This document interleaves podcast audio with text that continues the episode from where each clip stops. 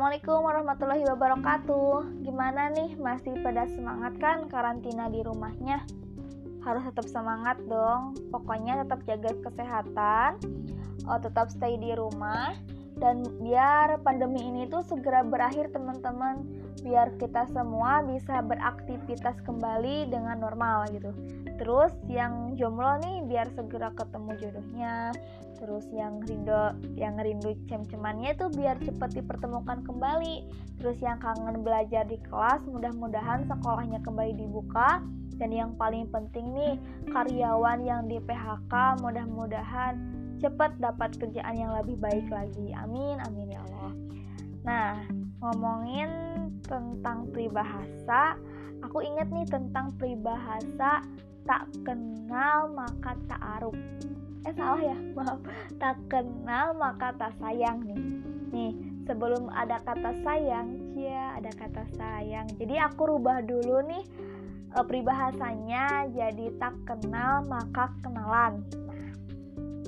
Nah, oke kenalin deh nama aku Winda. Aku salah satu mahasiswi di universitas yang ada di Bandung jurus dan jurusan pendidikan luar biasa Nih ngomong-ngomong tentang jurusan aku, pasti teman-teman udah beras, ber, berasumsi, udah mikir nih ya, mikir ya, udah teng gitu dalam pikirannya. Oh pasti anak PLB itu erat kaitannya uh, sama anak berkebutuhan khusus. Nah, betul banget teman-teman. Jadi bagi aku sendiri, ABK itu bagaikan oasis di padang pasir. Ala oasis. Lebay sih kedengarannya tapi itu sih kataku betul banget ya. Bag, e, karena tanpa adanya ABK gak akan ada jurusan pendidikan luar biasa. Terus gak akan ada psikologi kan terus gak akan ada gelar profesor pendidikan luar biasa terus gak akan ada sekolah luar biasa. Dan yang satu lagi yang paling penting gak akan ada guru-guru guru-guru hebat pengajar sekolah luar biasa. Gitu teman-teman. Betul kan? Nah oh, oh ya nih teman-teman.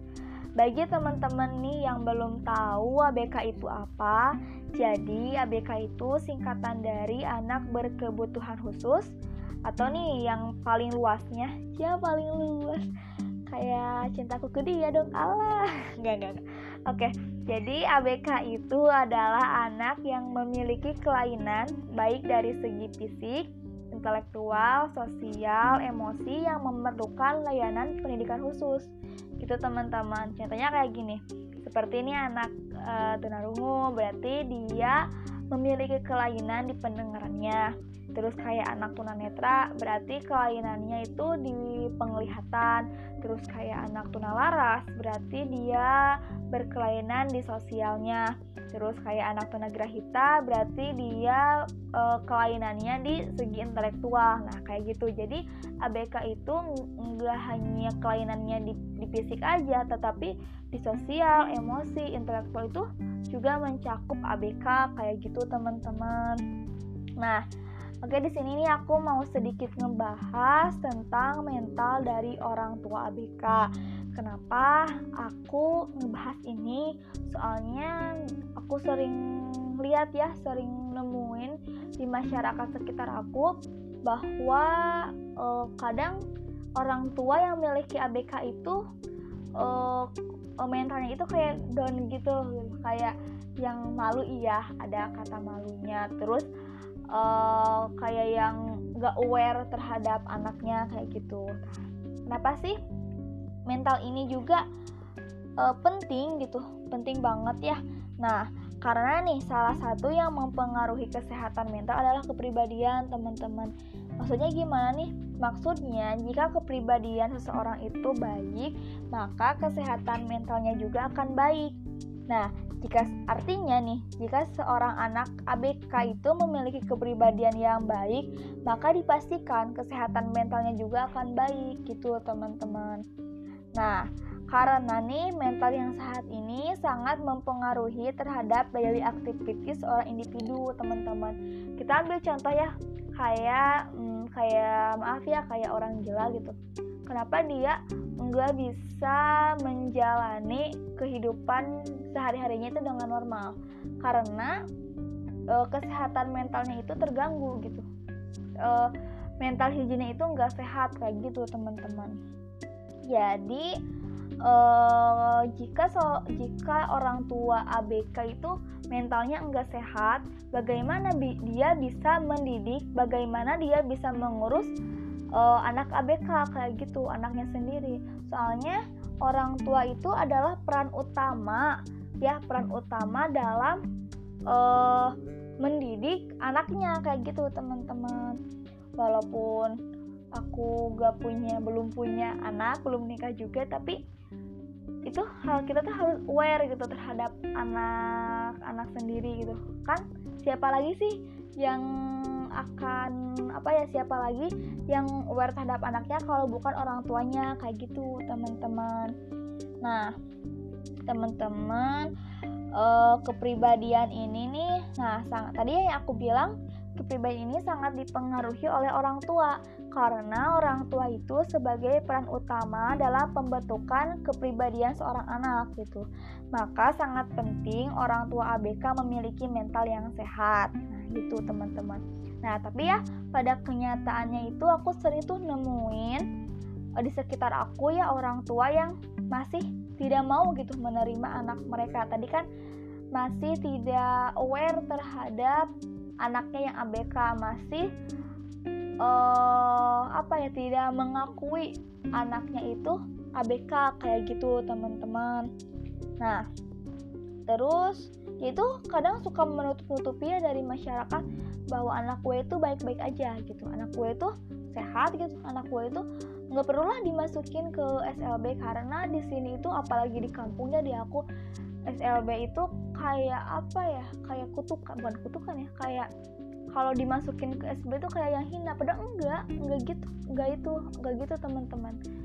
SLB itu kata aku kayak apa ya asik gitu kalau kita main ke sana coba kalian kalau nanti uh, liburannya jangan dulu ke mall deh jangan dulu ke kebun binatang atau jangan dulu ke tempat wisata. Coba kalau kita liburan atau kalau liburan nanti libur ya soalnya. Atau enggak liburan sih kalau ada waktu nih teman-teman main aja nih ke SLB lihat. Asik kok orang-orang di SLB apalagi murid-muridnya yang polos kayak gitu.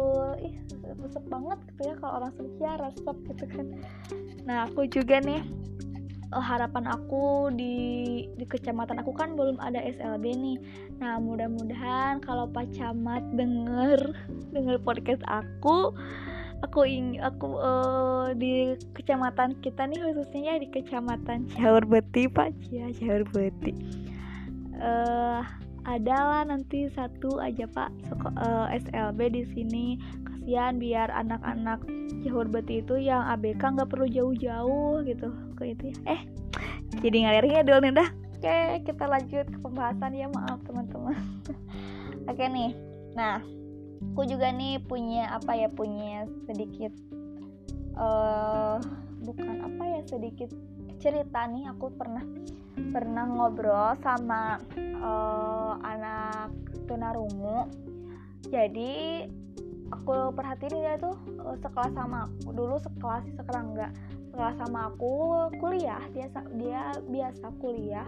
Padahal dia anak tunarungu kan tapi dia bisa menjalani daily activity-nya dengan normal gitu. Terus dia juga cerdas gitu dia bisa menyimak apa yang dosen uh, katakan apa yang dosen ajarkan gitu. Terus dia juga apa ya pinter gitu. Se, uh, dia itu pintar nulis jadi apa-apa yang yang dia pikirkan pasti dituangin dalam tulisan. Kan belum tentu ya apalagi aku belum tentu bisa kayak gitu gitu. Nah aku tuh pernah dulu tuh ngobrol sama dia. Aku nanya kayak gini e, kamu apa sih cita-citanya? Kata-kata gitu kan. Terus dia bilang aku pengen gitu punya yayasan uh, yang nampung anak-anak tunarungu buat dia tuh belajar agama khususnya agamaku ya agama Islam katanya gitu oh kenapa? Kata aku kenapa kamu pengen kayak gitu? Soalnya aku gak mau uh, anak tunarungu itu kayak aku yang yang nggak bisa yang belum mengen yang mengenal agama aku itu udah gede gitu ketika dia udah lulus SMA kayak gitu. Oh, bagus sih kata aku uh, apa ya udah aware gitu kan terhadap terhadap masyarakat terhadap sekitarnya itu kenapa? Karena di balik itu semua ada orang tua yang aware terhadap dia. Ada orang tua yang mau uh, mendukung dia sepenuh hati. Ada orang tua yang rela antar jemput dia ke sekolah kayak gitu kan. Jadi gitu penting kalau orang tua yang mau menerima anaknya uh, apalagi yang ABK ya khususnya orang tua yang nggak malu terhadap anaknya yang ABK maka potensi dari anak ABK itu akan tersalurkan gitu. Karena gini ya teman-teman setiap individu itu memiliki potensi alamiah yang jika dikembangkan itu akan menjadi bakat istimewa. Aku juga pernah uh, selalu ingat ya kata-kata dari dosen aku bahwa setiap individu itu unik gitu. Mereka itu memiliki keunikan masing-masing kayak gitu teman-teman. Dan aku juga uh, pernah dulu nggak dulu sih kemarin-kemarin uh, ada tugas observasi jadi aku uh, sekelompok ya sama teman-teman yang lain pergi ke SLB jadi kita itu uh, ngamati mereka gitu. Asik sih asik. Awalnya deg-degan. Awalnya itu kayak aduh gimana ya pertama kali harus ngeliat pembelajaran mereka gitu. Awalnya kaget gitu. Pertama itu dipeluk sama anak Down syndrome gitu kan. Maaf ya yang kalau bahasa lama ngacai gini ya aduh kata aku tuh ngacai. Ini gimana? Tapi asik gitu mereka tuh dengan begitu polosnya anggap kita tuh bahwa kata kan kalau anak-anak biasa ah cuman mahasiswa ini apa? gitu kan. Kalau mereka mah meluk eh ibu sopan banget gitu. Aku juga perhatiin mereka itu disiplin banget kalau apalagi kalau anak-anak Down syndrome ya. Kalau udah udah kata gurunya jam segini harus masuk. Nah kalau ada yang sedikit telat itu mereka itu akan apa ya nggak nyaman gitu. Mereka itu ya pokoknya harus disiplin kayak gitu. Jadi asik gitu. Aku juga pernah merhatiin ya ketika ada temennya itu mereka teh uh, anak tuna tuna grahita sama Down syndrome itu mereka teh berantem terus pasti mereka tuh nangis ya semuanya satu kelas pada nangis. Ya Allah kata aku tuh kalau di sekolah regu itu nggak akan gini kata aku tuh nggak akan se aware ini mereka tuh. Jadi wah asik banget kalau kita udah tahu mereka. Ternyata SLB itu enggak enggak apa ya enggak mengerikan yang dipikirkan gitu teman-teman. Jadi bagi teman-teman nih yang memiliki uh, anak-anak ABK atau saudaranya yang ABK atau temennya nih ada yang ABK ya rangkul mereka gitu. Bantu mereka untuk bisa mengembangkan potensinya. Karena uh, mereka juga butuh butuh uh, support dari kita gitu. Nih kalau ini ya kalau misalnya uh, anak ABK dimasukin ke sekolah yang tidak tepat, misal dimasukin ke sekolah reguler itu hanya akan jadi bahan bulian teman-teman. Aku juga ada uh, dulu teh kelas waktu itu kelas 5 SD ada temen aku. Dia itu bukan anak tunagrahita bukan. Cuman kalau aku ngira dia itu anak yang terlambat belajar kayak gitu. Jadi ketika itu ketika teman sebaya aku udah bisa nulis udah bisa baca nah ini satu orang teman aku itu belum bisa teman-teman. Nah itu dia itu hanya jadi bahan bulian gitu. Terus gurunya juga itu tuh enggak kayak di S kan kalau di SLB mah kayak anak itu teh pasti terus kan dididik ya terus dilatih. Kalau di reguler itu enggak jadi ngecap anak itu ya bodoh ya udah bodoh kayak gitu teman-teman. Jadi sangat penting sekali nih buat kita aware terhadap mereka apalagi yang ada di tengah-tengah mereka. Yuk rangkul mereka ya teman-teman. Karena seti Allah itu telah menciptakan kita dengan sangat sempurna. Dan Allah telah menitipkan kita saudara atau bagi yang udah punya anak menitipkan anak itu itu teh mengandung apa? Mengandung ya? Mengandung hikmah tersendiri kayak gitu teman-teman nah pokoknya tetap harus semangat satu lagi harus bersyukur kita yang normal bang yang normal yang udah sempurna gitu ya udah diciptakan dengan sempurna mempunyai pikiran dan akal pikiran yang sangat sempurna, memiliki visi yang sempurna, emosi yang stabil, alhamdulillah ya. Kita harus lebih bersyukur. Dan satu lagi, kita harus lebih aware terhadap uh, lingkungan di sekitar kita, teman-teman. Itu aja mungkin dari aku ya. Ini kan masih momen lebaran.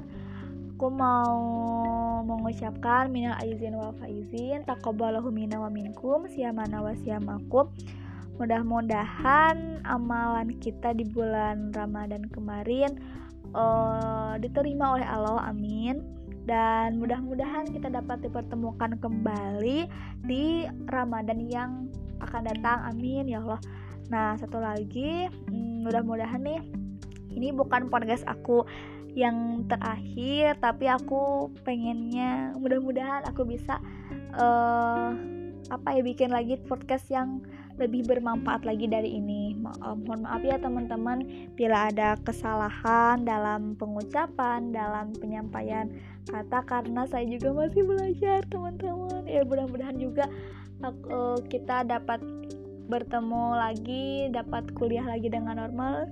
Teman-teman aku aku rindu kalian Allah.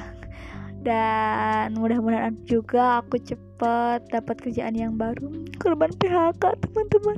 Sedih banget ya. Oke itu aja ya mungkin dari aku. Maaf udah ngebacot ke sana ke sini kalau kata orang mah ngalir hidur tepuguh gitu kan. Itu aja dari aku. Wabillahi taufiq wal hidayah. Wassalamualaikum warahmatullahi wabarakatuh. Bye bye